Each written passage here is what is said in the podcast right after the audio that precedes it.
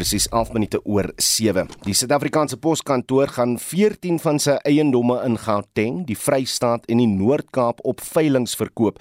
Dit volg nadat die staatsbeheerde instelling reeds vir 'n geruime tyd in die finansiële knyp is. Die hoofekonoom van die Efficient Groep, Dawie Rood, sê dit is moontlik te min te laat. Ja, ek dink dit is hopeloos te laat. Dit is hopeloos te laat vir die poskantoor om na van sy eiendom te verkoop. Ek dink die rede hoekom hulle dit doen is eintlik vir die hand liggend. Hulle is finansiëel so diep in die moeilikheid. Hulle begin nou van die familie silwer te verkoop om die wolf by die deur weg te hou. Hulle verkoop nou van hulle bates om agterstallige lopende uitgawes af te betaal. Hulle skuld baie baie miljoene rande vir huur wat hulle nou al vir hoeveel maande nie betaal het nie en ek dink dis die hoofrede hoekom hulle hierdie tipe van goed verkoop. Dit is eintlik op 'n baie vreemde manier is ons besig om poswese in Suid-Afrika te privatiseer. Ons het dit eintlik al reeds gedoen. Ons het poswese in Suid-Afrika geprivatiseer in die sin dat die poskantore is tot so 'n mate wanbestuur en finansiëel in die afgrond in bestuur dat die private sektor het in 'n groot mate daartoe toegetree om posdienste in Suid-Afrika te lewer en vandag vind jy dat die poskantoor bitter min tradisionele posdienste meelewer. So eintlik het ons die poskantore in Suid-Afrika geprivatiseer of die poswese geprivatiseer die laaste 20 jaar of wat Die enigste verskil is die staat het net niks daarvoor gekry nie. Maar hierdie is die laaste stuiptrekkings van die poskantoor waar nou die familie silwer verkoop in 'n poging om die wolf net vir so kort rukkie van die deure weg te hou. Wat dink jy gaan gebeur met die ander en die SAIK self ook probleme staatsbeheerde organisasies? Waar toe ja. is dit op pad? Van die staatsbeheerde instellings is finansiëel so absoluut geruïneer. Dis presies wat die poskantoor doen. Hulle begin nou van hulle vaste eiendom te verkoop soos geboue byvoorbeeld. En dit is in 'n omgewing waar eiendomspryse nie te buffers doen op hierdie stadium nie, veral die tipe van geboue wat hulle op die mark plaas. So hulle kry nie baie goeie inkomste daarvoor nie. Intussen het die minister van finansies in sy nuutste begroting nie veel bydrae aangekondig vir die staatsbeheerde instellings nie, behalwe natuurlik vir Eskom en daar's nou wel so 'n bietjie van 'n reserve. So ek het die idee sommige van die staatsbeheerde instellings gewaal miskien 'n rand of 2 hier en daar kry. Maar sonder twyfel gaan 'n klomp van die staatsbeheerde instellings finansiëel glad nie hierdie mas kan opkom nie. Ek weet werklik nie waar dit gaan eindig nie. Die beste wat ek dink kan gebeur, maar net vir die staatsbeheerde instellings om wat te likwideer wat hulle kan, soos wat die poskantoor besig is om te doen, om maar toe te maak waar hulle kan en maar te hoop dat die private sektor uiteindelik al hierdie tipe van dienste gaan oorneem. Miskien is dit so dat daar wel bates is wat die staat kan begin verkoop, maar die kwaliteit van daardie bates is tot so mate ondermyn en ondergrawe die afgelope tyd uit die staat bitter min gaan kry indien hy wel hierdie goede sou probeer privatiseer. So ek is bevrees wat ons hierso sien is 'n regering wat op sy hande gesit het vir hopeloos te lank. Hy kon nie poskantore in die verlede verkoop het vir sommer 'n lekker wins en 'n goeie inkomste. En dieselfde geld vir ander staatsbeheerde instellings, maar hy het niks daarin gedoen nie om die waarheid te sê. Die staat, die ANC regering het daardie instellings finansiëel en operasioneel geruïneer en vandag is dit amper niks werd. Die ouditeur-generaal sê dat die poskantoor het meer as 1,7 miljard rand se laste en sy bates is 1,5 miljard rand. So dis nie meer 'n lopende saak nie. Ja inderdaad, om die waarheid te sê, as 'n privaat sektor maatskappy bedryf word as 'n basies invulsente saak of glad nie meer 'n lopende saak nie, dan is dit basies onwettig. So as 'n privaat sektor maatskappy onder hierdie omstandighede sy besigheid bedryf, dan is die direkteur eintlik besig met 'n misdryf. Baie van hierdie staatsbeheerde instellings moes alreeds maande terug hulle finansiële state ter tafel gelê het en hulle het net eenvoudig nie gedoen nie. So eintlik ons is redelik seker dat die poskantore en 'n klomp van die ander instellings finansiëel glad nie meer gehandhaaf kan word nie. Ons weet net nie wat die omvang daarvan is nie, want hulle finansiële state is nog nie ter tafel gelê of was nog nie voltooi soos wat hulle veronderstel was om te doen nie. Die vorige baas van die poskantoor, Mark Baans, stel glo belang om 'n deel van die poskantoor te koop. Weet jy daarvan? Ja, ek het al in die pers gelees van Mark Baans wat die poskantore vir gedeelte daarvan wil koop, maar ek het 'n vermoede dat een van sy voorwaardes sal wees is dat die poskantoor 'n banklisensie ook kry. Ek dink nie is 'n slegte idee nie. Ek dink die poskantoor onder goeie bestuur en ook met 'n banklisensie kan ek nou nogal sien dat daar 'n plek kan wees vir die poskantoor, maar die realiteit is, is solank as wat ons 'n regering het wat meer daarin belangstel om kaders te ontplooi in steede daarvan om mense wat werklik waar die werk te kan doen te ontplooi, is ek bevrees dat ook die poskantoor en nie 'n sukses sal maak daarvan nie. Maar Mark Baans vermoed ek, sy idee is hy's eintlik agter daai poskantoor banklisensie en indien hy dit kan kry en as word goeie bestuur in plek gestel en natuurlik indien hy toegang kry tot 'n hele klompie kapitaal, dink ek is dit moontlik om die poskantoor vir al die bankgedeelte van die poskantoor sekerlik om te draai. Dit was Dawie Rood, die hoofekonoom van die Efficient Groep wat met Mitsi van der Merwe gepraat het. Die woordvoerder van die poskantoor, Johan Kreer, sê die maatskappy kommunikeer nie in die stadium oor die saak nie. Die prys van basiese voedselsoorte was in Februarie effens goedkoper. Volgens Mervin Abrams, die programkoördineerder van die Pietermaritzburg Economic Justice and Dignity Group, het die koste van 'n voedsame dieet op 'n jaargrondslag uh, met R61.20 toegeneem. So die voedselmandjie begin Februarie staan nou op R4355.70 dit is 'n daling van omtrent R45.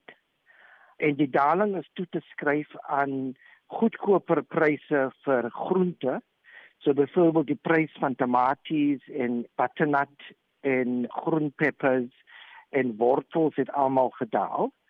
Ook die pryse van brood het ook 'n bietjie gedaal. En dit het toegedra na 'n klein daling of 'n daling van R45 op ons mandjie Maar as ons kyk jaar op jaar dan sien ons dat die mandjie het steeds gestyg met R354.52. Die mandjie staan nou veel hoër as wat 'n nasionale minimumloon is van R3470. En dit beteken dat meeste van die huishoudings nie ons mandjie sal kan bekostig nie. Kan ons sê die feit dat die minimumloon verhoog is dra by tot daardie bedrag? En nee, die stygings in die minimumloone natuurlik is nie genoeg om die stygings in voedselpryse weg te maak nie. Want as jy kyk na die stygings in die loone, dit is slegs 'n 5.5% stygings terwyl ons voedselmandjie met 8.9% amper 9% gestyging. So die stygings in die minimumloone sal nie kan opmaak vir die stygings in die kospryse nie. Nou Mervin, die goeie nuus is dat die kindertoelaag verhoog is ten minste met R20. Maar is dit genoeg om vir jou kinders 'n voedsame maaltyd te kan verskaf? So die minister het natuurlik die kindertoelaag gestyg met R20 wat sal begin in, in April maand. En dit wil sê die kindertoelaag styg na R460. So dit is 'n R20 styging of 'n 4.3% styging. Maar as ons kyk na wat dit kos om 'n kind 'n voedsame maaltyd te gee vir 'n maand, dan beteken dit 'n stygings van R61. So al het dit gestyg met R20, sal die kindertoelaas steeds 26% laer as die voedsel poverty line is en dit is natuurlik 40% laer as wat dit eintlik kos om 'n kind 'n voedsame maal te gee vir 'n maand. So dit kos eintlik R771 om 'n kind 'n voedsame maal te gee vir 'n maand terwyl die kindertoelaas staan op 460. So ek kan sien dat daar is natuurlik dit is nie genoeg nie. Nou Mervin, wanneer ons kyk na die konflik tussen die Russe en Oekraïne, hoe gaan die oliepryse natuurlik ons sakke verder raak? So natuurlik olie is 'n baie belangrike input cost met die vervaardering van meeste kosse. So as die prys van olie styg, soos dit sal hierdie week sal styg met meer as R1, dan verwag ons dat voedselpryse ook sal styg. En natuurlik met die konflik in Oekraïne beteken dit ook dat die oliepryse op die langtermyn ook sal styg, so ons sal veel meer stygings sien en dit sal natuurlik die kospryse veel hoër laat gaan, maar ook belangrik, die Oekraïne en Rusland is die twee gedeeltes van die wêreld waar baie van ons koring vandaan kom. So ons wag ook dat die prys van koring op die wêreldmarkte sal styg en natuurlik ook in Suid-Afrika sal styg en dit sal natuurlik lei na stygings in broodmeel of koekmeel en moontlik stygings in ontbyt cereals en so voort. So eintlik die konflik sal bydra tot hoër kospryse in die toekoms. En so sê Mervin Abrams, hy is programkoördineerder van die Pietermaritzburg Economic Justice and Dignity Group en hy het met Vincent Mofokeng gepraat. Presies 21 minute oor 7. Groot afwagting het gister geheers vir die vrystelling van die derde deel van die Zondo-kommissie na staatskaping se verslag, maar die oorhandiging daarvan sal glo eers vandag plaasvind. Ons praat nou met professor Dirk Coetzee, politieke ontleder van Unisa. Dirk, môre welkom terug by Monitor. Wat sou jy dink uh, vir die vertraging verantwoordelik uh, kon wees gister? Ek dink nie dat dit werklik 'n 'n vreeslike vertraging nie, 'n dag of twee sou maak regtig nie 'n groot verskil nie. Wat ons sien is is dat ehm um, die kommissie en die skrywers van die verslag is definitief onder druk. Dis hoekom ons nou onlangs gevra het vir 'n uitstel eintlik van die finale gedeelte van die verslag. So so 'n verslag byvoorbeeld die een wat aan president Ramaphosa gegee word, moet nog gedruk word um, die meeste van ons sien net die elektroniese kopie hmm. daarvan. So ek dink dit is 'n paar praktiese probleme wat die die uh, verlenging op die uitstel tot gevolg gehad het. Die kommissie het vooraf gesê en hierdie derde deel van die verslag sal bevindinge en aanbevelings oor onder meer Eskom, Bosasa, Prasa en die Staatsveiligheidsraad bekend gemaak word. Uh wat dink jy Dirk behoort die groot aanbevelings te behels uh, na hierdie verslag uitkom? Ja, in die eerste verslag is daar al reeds 'n klomp uh, baie belangrike aanbevelings gemaak wat veral te maak het met die aankope, die kontrakte en aankope van staats uh uh dienste of dienste vir die staat. Ehm um, so dis nie asof ons niks het in ons hande nie, maar ek dink uh, wat ons nou gesien het reeds ook in die tweede eerste en die tweede verslag, ehm um, is dat baie mense by die in in maatskappye, private maatskappye by die naam genoem is Um, en sommige van hulle is, is reeds aanbeveel of is die aanbeveling dat hulle verder vervolg moet word of ondersoek moet word. Um, met die moontlikheid dat hulle vervolg kan word. So ek dink dit is veral gaan hier te sprake kom as dit kom by die staats uh by die staatsveiligheid, die intelligensiedienste, dan het ons reeds 'n verslag, die die Sydney Mofamari verslag en nou ook die verslag van uh uh, die uh, Sandy Africa verslag oor verlede jaar se gebeure in in Julie wat alles met die ehm um, intelligensie uh, sake te maak het. So dit sal dit verder neem en dit sal spesifiek kyk na die misbruike wat al plaasgevind het uh, met die begrotings van die intelligensiedienste. Jy het nog gepraat en, en, jammer, dit maak maak klaar. En en so dit dit gaan definitief gaan daar aanbevelings en meer spesifieke aanbevelings daaroor wees. Dirk het nou gepraat van vervolging. Die nasionale vervolgingsgesag het reeds daaglikse vergaderings en koördinering van hulpbronne in lyn met eh, staatskapingsondersoeke so sê Shamila Batoy. Sal die aanstelling nou uiteindelik gister van advokaat Andrea Johnson as die nuwe hoof van die nasionale vervolgingsgesag se ondersoekeenheid aksie teweegbring? Ja, ek dink dit dit sal definitief die geval wees. Dit vind natuurlik nou plaas ten tye van die vrystelling van die verskillende verslae, so daar's baie meer ehm um, waarmee hulle kan werk. Daar's daar baie meer uh, ondersoek die die uitslae van die ondersoek van die sondekommissie waarmee hulle direk kan werk en hierdie eenheid spesifiek is baie nou gekoppel aan die sondekommissie. Ehm um, en baie van die sondekommissie se uh, So persone wat betrokke was by die ondersoekprosesse gaan hoogstwaarskynlik ook oorbeweeg na die nasionale vervolgingsgesag. Uh, maar dat dat baie skrywe die afgelope tyd plaasgevind het, byvoorbeeld die nasionale kommissaris van polisie is nou van uitsetpos uit dat 'n nuwe direkteur-generaal van die staatsveiligheidsagentskap wat gister aangekondig is dat die direkteur-generaal nou aangestel is. So in die hele staats um, bestuur rondom veiligheid is daar groot skuwe gemaak die afgelope week omtrent. Is Tembisile Majola die regte persoon uh, vir vir daai staatsveiligheidsagentskap? Ja, sy is baie ervare persoon. Sy was omtrent in 5, 6 lande waar sy ambassadeur gewees. Sy was die adjunkkoördineerder van wat oor die algemeen verwys word as NICOC. Dit is die nasionale koördineringskomitee vir intelligensiedienste. Ehm um, so sy het 'n baie goeie agtergrond en ek dink hulle hierdie keer sou hulle meer as net seker gemaak het dat sy sal pas in hierdie pos. Uh, net so 'n bietjie raad vir Andrea Johnson at, at, at, as jy miskien bietjie het want want hoe hanteer sy nou die proses van die hele Suid-Afrika sien uit na vervolgings wat spruit uit die Zondo-kommissie verslae. Hoe hanteer sy dinge? Prioriteer sy sekere sake? Hou sy die media in Suid-Afrika op hoogte van daai sake of of laat sy net die proses deurloop? Wel, ek ek dink wat vir my lyk na 'n 'n proses of 'n benadering te volg is om nie al die sake gelyktydig te probeer hanteer nie. Hmm. Om 'n paar sake te prioriseer, te probeer byvoorbeeld in elke provinsie waar daar wat verwys word na in in die hierdie verskillende verslae identifiseer daar 'n saak wat wenbaar is, wat gewen kan word.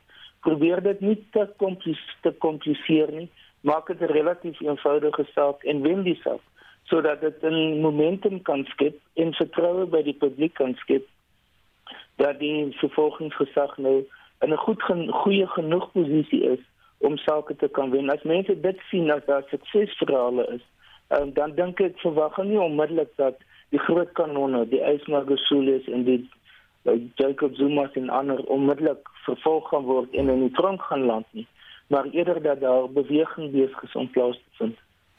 Dit was professor Dirk Coetzee, politieke wetenskaplike van Unisa.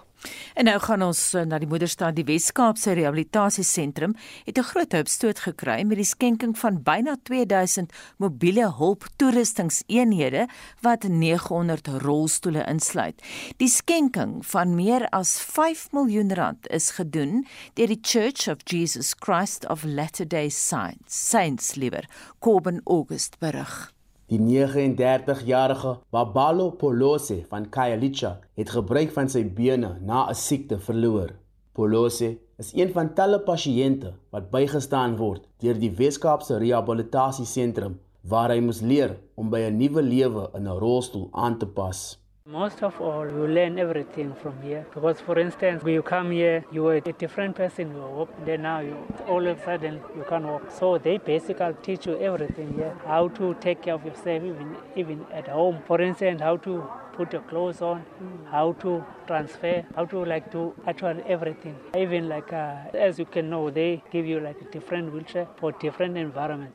Die adjunkdirekteur van die sentrum, Janine White, sê een van hul doelwitte is om mense met gestremthede behoorlik op te lei om rolstoele te gebruik. Werkswinkels word ook aan terapeute aangebied. En as 'n pasiënt nie in die regte rolstoel gesit word nie of of as hy nie die regte rolstoel ontvang nie, beteken dit hy kan nie in sy omgewing rondgaan nie. Hy sit in 'n rolstoel wat vassit byvoorbeeld aan die sand of hy sit in 'n rolstoel wat hy moeilik stoot, wat dit vir hom moeilik maak. So dit beperk hulle funksie. So as pasiënte nie die regte rolstoele uitgereik word aan nie, beperk dit hulle funksie en dit beteken op die einde van die dag, pasiënte kan nie geïntegreer word in hulle huis of in hulle gemeenskappe nie. Die president van die Church of Jesus Christ of Latter-day Saints in Kaapstad, Paul Creer, sê die mobiele hulpmiddels sal help om persone met gestremthede se menswaardigheid te herstel. Die skenking is vir 900 rolstoele, so 1240 um hulpmiddels en dan commodes, so 200 commodes. En dan 'n deel van dit is die opleiding van mense om dit te bestuur vir die onderhoud van dit en daar is ook werkswinkels wat gebou word, 'n werksbank en al die elektriese gereedskap wat saam met dit gaan sodat daar onderhoud gedoen kan word op hierdie rolstoele. Mense in landelike gebiede waar dit soms moeilik is om die regte mobiele hulpmiddels te kry, sal deur die program gehelp word. Ek is Kobben August in Kaapstad.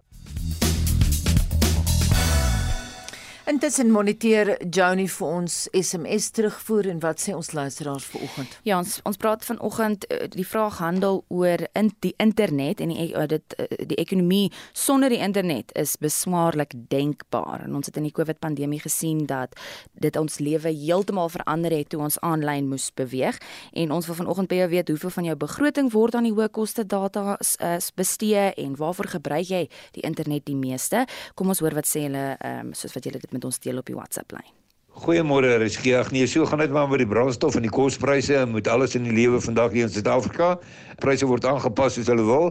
Maatskappye manipuleer maar die pryse. Hulle het ons by die kort hare beet. Hulle weet ons is afhanklik van die brandstof. Ons moet ry en hulle weet ons moet bel en hulle weet ons moet internet gebruik. So ons sit maar net ons moet maar koop ongelukkig. Daar was 'n bespreking so 'n jaar wat terug oor die data wat te hoog is in Suid-Afrika. Uh, die maatskappye, al die maatskappye wat ons oor oorprys maar hulle uh, daar het niks aan gekom, niks van gekom nie. So uh, dit is maar weer 'n verlore saak. Wat kan ons maak? Môre, ja, data is ongelooflik duur. Ek gebruik dit hoofsaaklik vir my werk in die onderwys. Ehm um, natuurlik uit my eie sak uit. Ons moet maar uithaal en wys wat nie heeltemal reg is nie te daag gelaat. Ehm um, ek dink dit is tragies dat dit so duur is. Ehm um, as data baie minder kos en kinders het meer gereedelik toegang daartoe, dan behoort dit ook baie beter te gaan met hoe hulle presteer op skool. Miskien is dit iets waaraan die regering kan dink dan skryf teens vir ons op die SMS lyn ek het my kontrak 2 jaar gelede gekanselleer omdat die data te duur is. Skielik is dit hernie en daar is sommer 2 keer in Februarie twee paemente van my bankrekening af. Hoe kry hulle dit reg? Vra teens. Dan nog iemand op die SMS lyn wat sê een rede hoekom data en selfoonkoste so hoog is in Suid-Afrika is omdat ons dekking in die lisensievoorwaardes deur die regering voorgeskryf word. Stede subsidieer weer eens die armes in die platteland en dan word die selfoonbatterye aan mekaar gesteel. Nou ja, laat vir ons weet wat jy dink. Stuur vir ons 'n SMS, kos jou R1.50 die nommer 45889. Jy kan ook vir ons 'n WhatsApp stemnota stuur en jy kan jou mening gaan plaas op ons Monitor en Face Spectrum Facebookblad.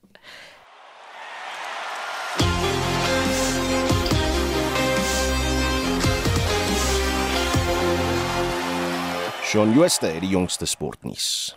Op 'n Dinsdagoggend kyk ons na van die jongste ranglyste en puntelere en ons val weg met cricketnuus. Die Proteas het reg gekry om 'n heel eerste reeks nederlaag teen Nieu-Seeland af te weer. Suid-Afrika het die tweede en laaste toets vanoggend kort na tee in Christchurch met 'n reuse 198 lopies gewen en die reeks word nou met 1 elk gedeel. Die Protea snelbouler Kagiso Rabada was die speler van die wedstryd vir sy 8 vir 106 en 53 lopies wat hy aangeteken het. Die Nieu-Seelandse snelbouler Matt Henry was die speler van die reeks, hy het 14 paltjies laat kantel. Die Proteas bly 4de op die ICR se 2021-23 toetskampioenskappe punteleer nou op 60 persentasiepunte. Die top 3 spanne is Sri Lanka op 100, Australië op 86.6 en Pakistan op 75 persentasiepunte. Die Boland Rocks het die plaaslike KSA T20 trofee gelig toe hulle die Titans Sondag in die eindstryd op St George's Park in PE geklop het. Die Rocks-kaptein, Pieter Malan, het die toernooi as die speler met die meeste lopies geëindig. Hy het 368 in 9 wedstryde aangeteken. Die Protea draaibouler, Tabrai Shamsi, was die beste bouler en het 13 paaltjies plat getrek en 216 lopies afgestaan. Rugby. Na voltooiing van die Ses Nasies reeks se derde ronde, lyk wêreld rugby se jongste ranglys nou so. Suid-Afrika bly nommer 1 met die All Blacks steeds tweede. Frankryk neem die derde plek oor en Engeland skuif terug in die vierde plek in. Ierland is vyfde. Frankryk is ook die voorlopers op die ses nasies punteleer en staan op 14 punte en is steeds onoorwonde. Ierland is tweede op 11 en Engeland derde op 10 punte. Die eerste spanne, Leinster, Ulster en Munster, is eerste, tweede en vierde op die Verenigde Rugby Kampioenskappe punteleer op 44, 40 en 35 punte onderskeidelik. Die Skotse span Glasgow Warriors skuif tussen hulle in en is derde op 39 punte. Die Sharks is agste op 25, Stormers 9de op 24, Bulls 11de op 22 en die Lions 14de op 12 punte. In die Super Rugby Pacific reeks is die Brumbies en Crusaders eerste en tweede op 9 punte elk. Die Reds het 8 en die Waratahs 6 punte. Dan gisterand in die Waasti beker reeks se derde ronde het die Shimlas die Bloemfontein Derby gewen en CUT met 48-27 afgeronsel. Maties het 37-10 met Wits, Tikkies 38-30 met UCT, UJ 34-15 met die Noordwes Arende en UWC 60-26 met die Madibas afgereken. Die Shimlas bly die voorlopers nou op 15 punte, UCT is tweede op 11, Maties derde op 10 en Wits vierde op 9 punte. Sokker. Die top 4 span op die DStv Premier Liga punteleer is Mamelodi Sundowns op 48, Royal AM op 33, Kaizer Chiefs op 32 en Orlando Pirates op 31 punte. In die Afrika Kampioenligga bekleë Sundowns die eerste plek in Groep A op 7 punte en AmaZulu die tweede plek in Groep B op 6 punte. Pirates is ook bo aan Groep B in die Afrika Konfederasies beker toernooi op 6 punte. In Engeland is Manchester City die voorlopers op 66 punte, maar het een wedstryd meer as Liverpool in die tweede plek op 60 punte voltooi. Chelsea bly derde op 50 en Manchester United vierde op 47 punte. In die tenniswêreld het ons 'n nuwe nommer 1 op die jongste mansranglys. Die Rus Daniel Medvedev het die eerste plek by Novak Djokovic van Servië oorgeneem. Djokovic is nou tweede en het 361 weke as die voorste manspeler geniet. Die Duitser Alexander Zverev bly derde. Suid-Afrika se Lloyd Harris klim met twee plekke na 33ste ten spyte van die feit dat hy nog nie verby die eerste ronde in 2022 kon kom nie. Kevin Anderson spring ook met twee plekke en is 92ste. Op die vroue ranglys is Ashley Barty van Australië steeds eerste, terwyl die Tsjeeg Barbora Krejcikova en Aryna Sabalenka van Belarus plekke ruil. Krejcikova is nou tweede. En laastens in die golfwêreld is daar geen verandering onder die top 3 mans of vroue spelers nie. Die mans is Gonram van Spanje en die twee Amerikaners Colin Morikawa en Patrick Cantlay. Suid-Afrika se Louis Oosthuizen bly 13de. Christian Besaidnout val met 1 plek na 59ste en Erik van Rooyen klim weer met 1 plek na 63ste. Die top 3 vroue is Jinyanko van Suid-Korea, Nelly Korda van die VSA en Lydia Ko van Nieu-Seeland. Suid-Afrika se Ashley Buy is 93ste. Shaun Schuster, RSG Sport. Internasionale nuusgebeure, die sekretaris-generaal van die Verenigde Nasies, Antonio Guterres, vra dat Rusland en Oekraïne die toegang en veiligheid van humanitêre personeel moet waarborg. Hy het tydens 'n noodset sitting oor die Russiese inval gesê, Oekraïne se soewereiniteit moet gerespekteer word en uh, ons luister eers wat het hy presies gesê. Soldiers need to move back to their barracks and leaders need to move to peace. Civilians must be protected. International humanitarian and human rights law must be upheld. The sovereignty, independence, and territorial integrity of Ukraine within its international recognized borders must be respected. Nou Germany intussen berig die BBC vanoggend dat 'n Russiese konvoi van oorlogswapens na Oekraïne se hoofstad Kiev vervoer word. Ja, satellietbeelde wys 'n konvoi van meer as 60 km lank wat vordering maak op die stad. Daar is ook deur die aand ligaanval sirenes gehoor en berigte van 'n Russiese aanval in die buitewyke van Kiev. En ondanks gister se vredesamesprekings tussen afgevaardigdes van die twee lande um, in Belarus, het Rusland gister die aanval op nog 'n Oekraïense stad, Kharkiv, voorgesit. Oekraïne se president Volodymyr Zelensky sê Rusland se president Vladimir Putin moet vir oorlogsmisdade vervolg word. Russian forces have brutally fired on Kharkiv from rocket artillery. It is clearly a war crime. This is a peaceful city with peaceful residential areas and no military facilities. Dozens of eyewitness records prove that this is not a single false volley, but the deliberate destruction of people. I believe that the complete closure of the sky for Russian missiles, planes, and helicopters should be considered. En dan sê die VN dat meer as 'n half miljoen mense reeds van Oekraïne na naburige lande gevlug het. Landsburgers en burgers wat werk en studeer in Oekraïne vrees vir hulle lewens, baie wil na hulle tuislande terugkeer. Die BBC het met mense wat uit Oos-Oekraïne gevlug het gepraat en die onsekerheid en vrees is tasbaar. We don't know what's going to happen next, but the only thing is that we are going to go to home and we're trying our best to go back to home. That's it. In these hard times, it doesn't matter who's Russian, or Ukrainian. We all are just people. We have certain human rights.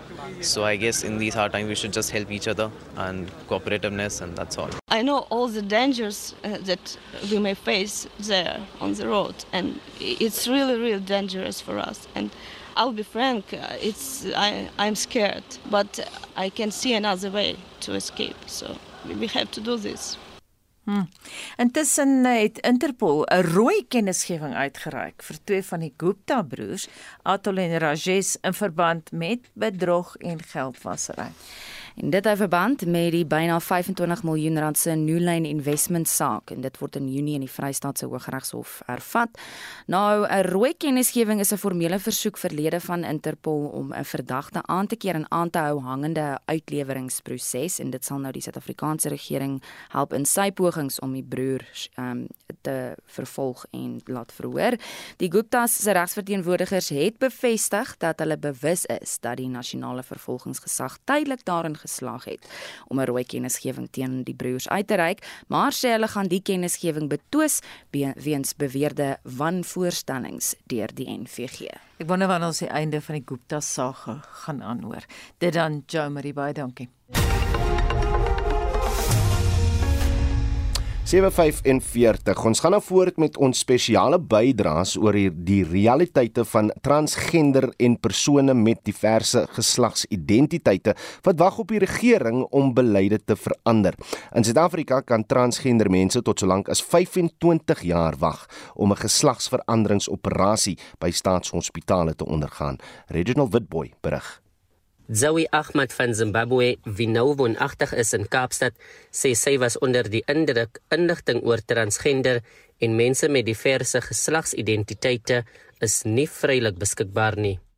The good thing now information is at fingertips because when I was growing up, I grew up in a very like poverty where technology or television was scarce at the time. So when I became to understand around trans, in my mind I thought trans people you can only access them on television.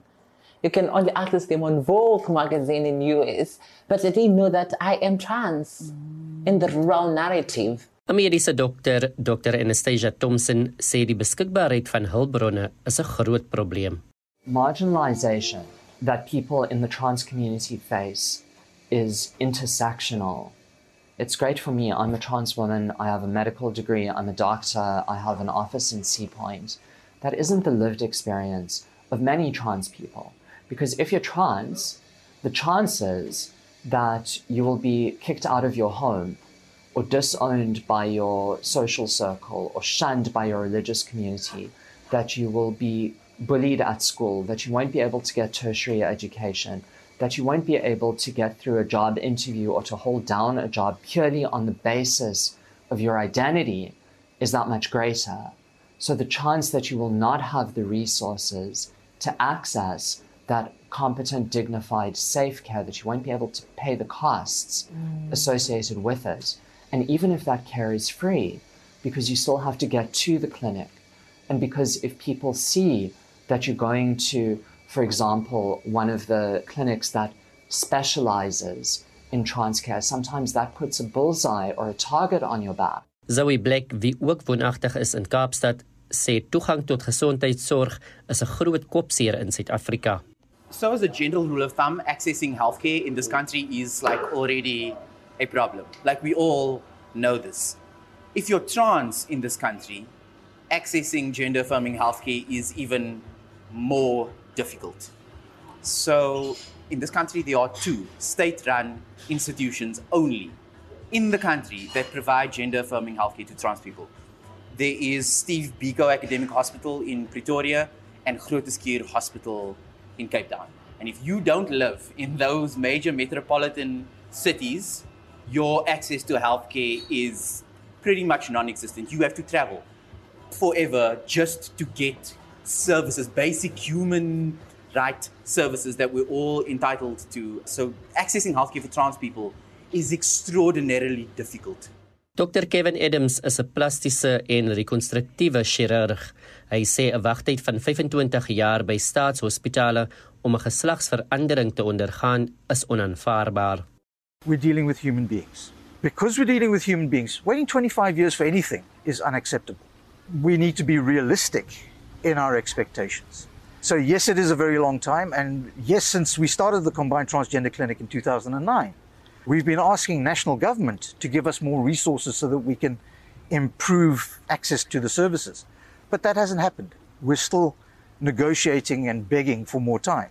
Cher Peterson ook in Kaapstad sê die regering neem hulle pleidooie ligtelik op.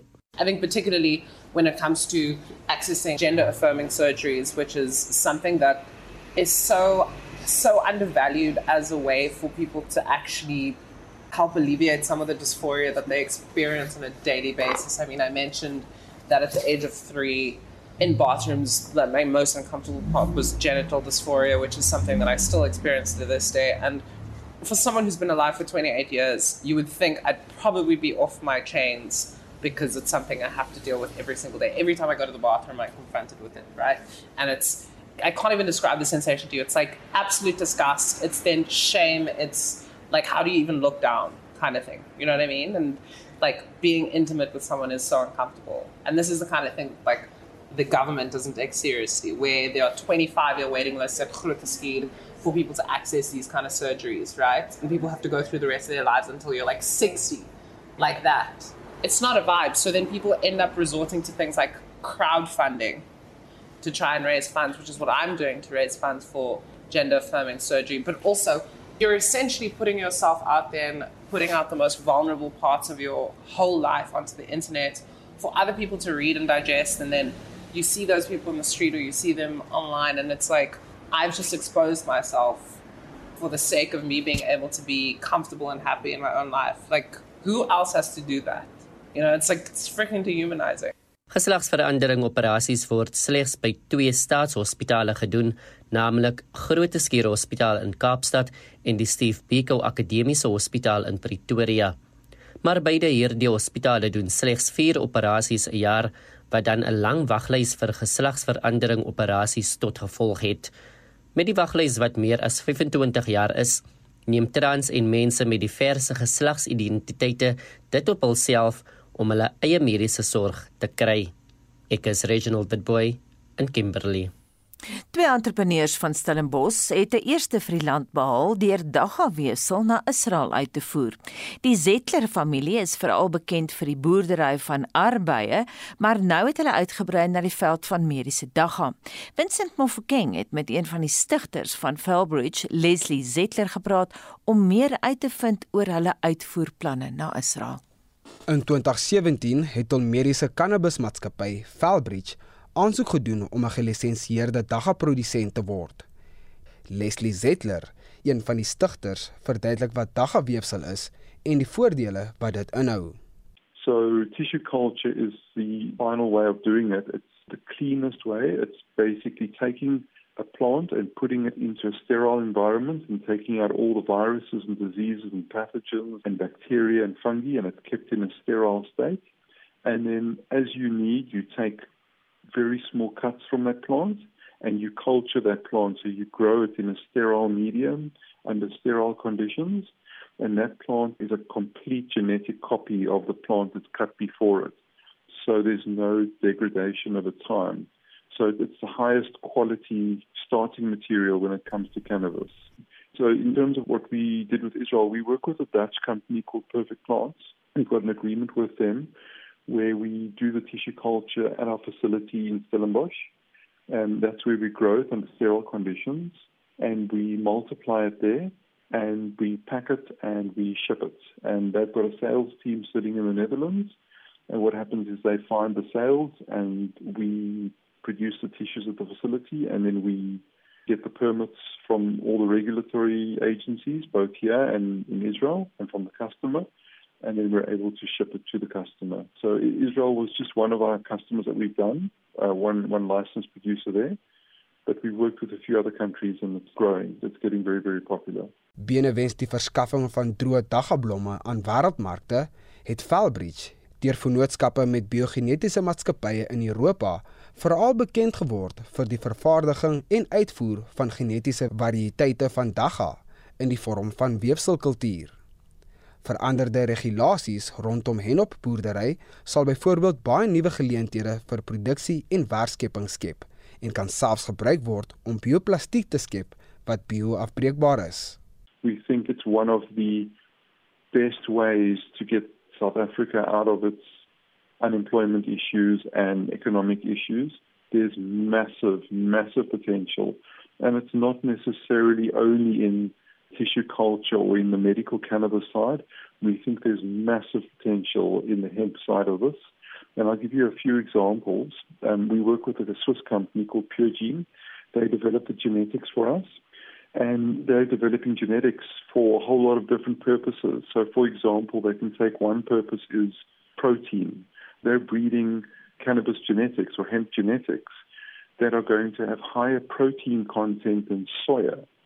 So a farmer can then grow hemp instead of soya, and they're going to get more protein out per hectare than they do with soya. So, you know, farmers are going to be able to grow protein a lot cheaper and a lot more efficiently than with other crops. So that's one example, and that protein will go into milk formula, can go into so many different kinds of food where they need protein. Vier Zettler generasies het die grond in Stellenbosch bewerk. En nou neem die broers, Barry en Leslie Zettler, die sakeonderneming na die 21ste eeu met nuwe idees. Our history is one of our strengths. I think when we're dealing with companies overseas, it's very reassuring for them to know that they're dealing with a company that's been for a family that's been farming for four generations. We've always said from the beginning that there's only one way cannabis is going to grow, and that's with a farmer, because you can't leave this to a pharmacist or a doctor or anyone else to grow. A farmer can produce it, can produce the quality that's needed, and produce it at the accepted cost, you know, as, as low cost as possible. Because at the end of the day, this is an agricultural product that needs to be grown. One thing that we're very cognizant of is, is that we are white farmers, and, and I mean, this country's got a lot of history, and we're aware that that needs to change, you know. So, so I think we're trying to put in measures where we can actually support farmers, and especially emerging and developing farmers, in how to grow cannabis. Dit was Leslie Zettler, die mede-stigter van die Felbridge maatskappy wat daggeweefsel na Israel uitvoer. Die maatskappy beplan om die weefsel aan markte in Kanada uit te voer. Ek as Vincent Mufokeng vir SAI Garnis. Jamie, laaste terugvoer. Ja, ons het vanoggend gepraat oor die internet, hoë datakoste en hoe jy die internet gebruik en hoe belangrik dit vir jou is om gratis toegang tot die internet te hê. En ehm um, hierso is wat jy met ons deel op die WhatsApp lyn. Goeiemôre julle, dis Eben hier van Boksburg. Ek werk in die selfoontoringbedryf en uh, die rede hoekom data en telefoon oproepe en alles so duur is is omdat die toring so gevandaliseer word. Die selfoonoperators spandeer der miljoene rande per maand om batterye te vervang en torings reg te maak. Ek is woonagtig in Botswana. Hier betaal ek maandeliks 60 rand, 60 pula per uh, WhatsApp. Dan kan ek doen net wat ek wil. Ek kan bel, ek kan wat ek al 60 'n maand. Die internet is ook nie duur nie. Die rede is die uh, regering help die mense om die besigheid aan te dryf te ondersteun. Baie baie dankie. Ja, die data is verskriklik duur. Veral as 'n mens geld moet maak deurdat jy op 'n rekenaar werk. Baie dankie vir die saamgesels vanoggend. Ons maak môreoggend weer so. Ek moet sê 60 poele 'n maand. Dit is nogal 'n oorweging om Botswana toe te trek. Maar ons is ons is nog nie klaar met uh, alles nie. Oora wil ook 'n spreekbeurt hê met Annie, nie? Ja, nee, wat wat's in die dagboek? Kom ons kyk na die dagboek. Die Menseregte Kommissie se ondersoek na die Julie 2021 onluste duur voort. Die leier van die EFF, Julius Malema, is weer vandag in die hof, die keer op aanklagte dat hy skote afgevuur het tydens 'n saamtrek in 2018. En minister Tulas Nqeshi reageer op voorgestelde wetgewing wat sekere werksgeleenthede slegs vir Suid-Afrikaners wil reserveer. Vorige uitsendings van Monitor is op RC se webblad as 'n potgooi beskikbaar. Gaan na www.rc.co.za. Ons groet namens ons uitvoerende regisseur Nicoline de Wee, die redakteur vandag Jean Esterhuizen en die produksieregisseur Daitron Godfrey. Ek is Oudo Karelse. En ek is Anita Visser.